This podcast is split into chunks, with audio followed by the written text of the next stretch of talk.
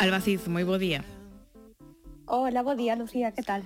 Eh, falábamos ata hai uns minutos de, da normalidade da lingua, non? E que importante para esa normalidade, pois, a traducción, non? Traer o galego toda esa literatura universal como a que nos traes hoxe, con este a poesía como arte insurxente de Lores Ferlinghetti, que, que vende traducir Daniel Salgado para Rodolfo e, e Priscila, non? Como podemos eh, interpretar esta escolla editorial?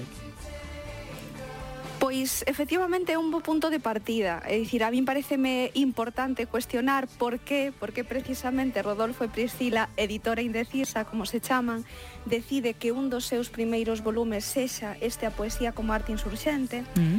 en certa medida porque habería que, que medir ben quen é Ferlinghetti, eh, quen son os BIT, quen son os Beat incluso para a tradición poética galega, non? Entón, eh, para comezar por algures, vale. o certo é que neste volume entrelázase bastante ben certa pulsión política, moi devedora do seu tempo, do tempo de Ferlinghetti, os 60, 70, tamén do anarquismo político que caracteriza o autor, e a vez unha pulsión poética que, entre outras cousas, confía moito no poder da imaxe. Eh, está asinado, como vos dicía, por Ferlinghetti, está traducido ao galego por Daniel Salgado, e Ferlinghetti ven a ser un dos referentes da contracultura norteamericana, eh, por suposto poeta, eh, curioso que non chegase á península tanto como poeta, pero si sí tamén alguén que acompaña os poetas beat nos anos 60 e acompañaos ata tal punto que edita o célebre Ouveo de Ginsberg, non? Mm. Eh, Por certo, libro que o propio Daniel Salgado traduciu hai uns anos eh, para o galego xa. Entón, eh, escoller este libro, eh, para min, escoller precisamente un libro que ten moito de exhortación, que ten moito de berro sobre a significación do poético, é curioso, non? Eh, se o abrimos, non? Se, se calquera o colle nunha libraría eh, e observa así de primeiras, podería pensar que se trata dunha ensamblaxe de pensamentos, de pensamentos sobre o feito poético, incluso de consellos, non? Sobre como ser ou non ser poeta, sobre o que debe ou non debe ser a poesía para Ferlinghetti, pero tamén hai que ter en conta que son pensamentos cun nivel de sedimentación importante eh, na vida deste autor.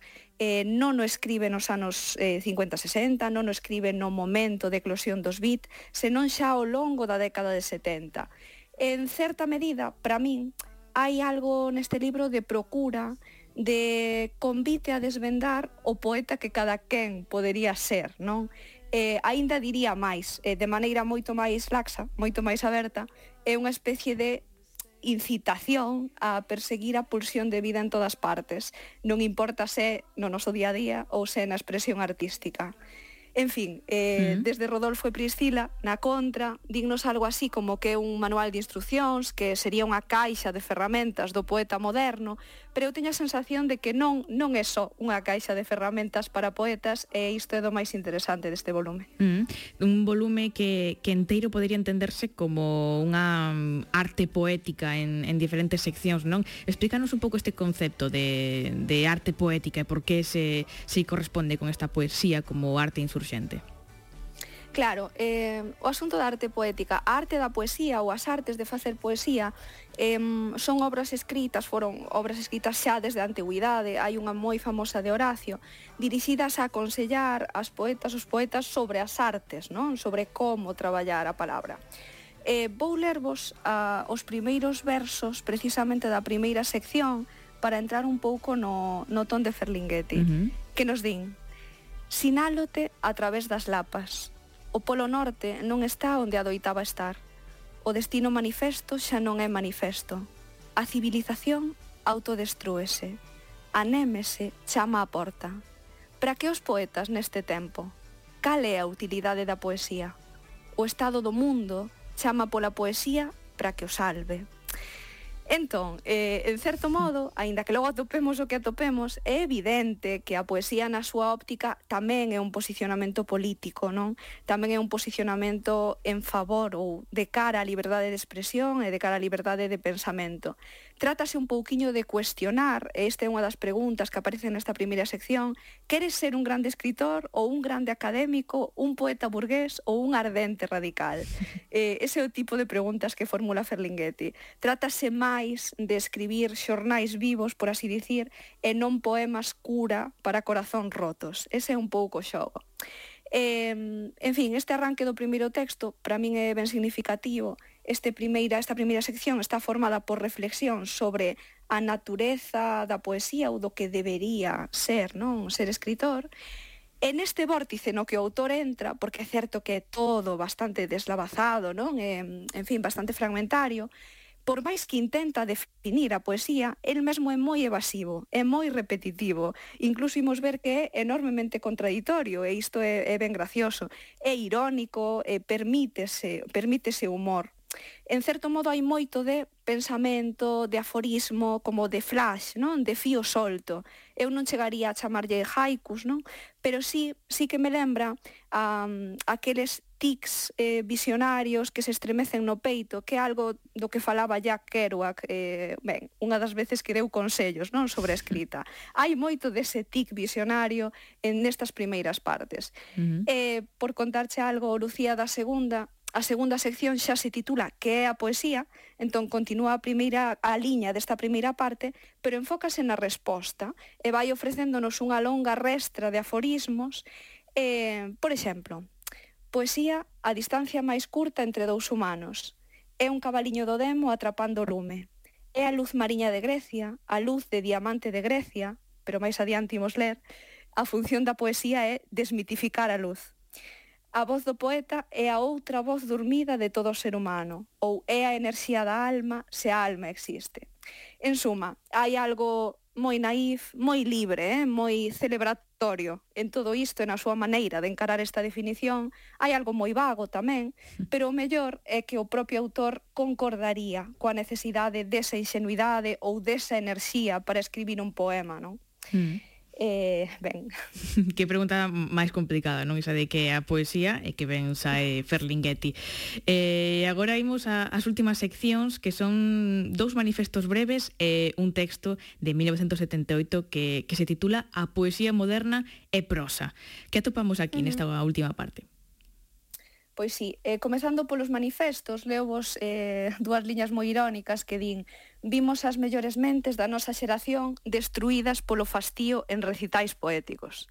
Entón, eh, son seguramente partes un poquinho máis contestatarias, máis frontais, estas finais, e é certo que se pode rastrexar nos manifestos un algo de denuncia xa sobre os influxos que o mundo do consumo desaforado pode ter sobre a poesía que se crea e a que se consome. Da mesma maneira que o propio Ferlinghetti máis adiante establece a ligazón entre o ritmo das máquinas, o estacato das máquinas e os, os novos ritmos que se impoñen para a fala humana. Eh, en suma, eh, eu teño para min que nestas, mm, nestas últimas partes a pegada dos cambios sociohistóricos se fai máis evidente mm. ou que o autor calibra máis os efectos que estes cambios poden ter na relación das persoas coa poesía.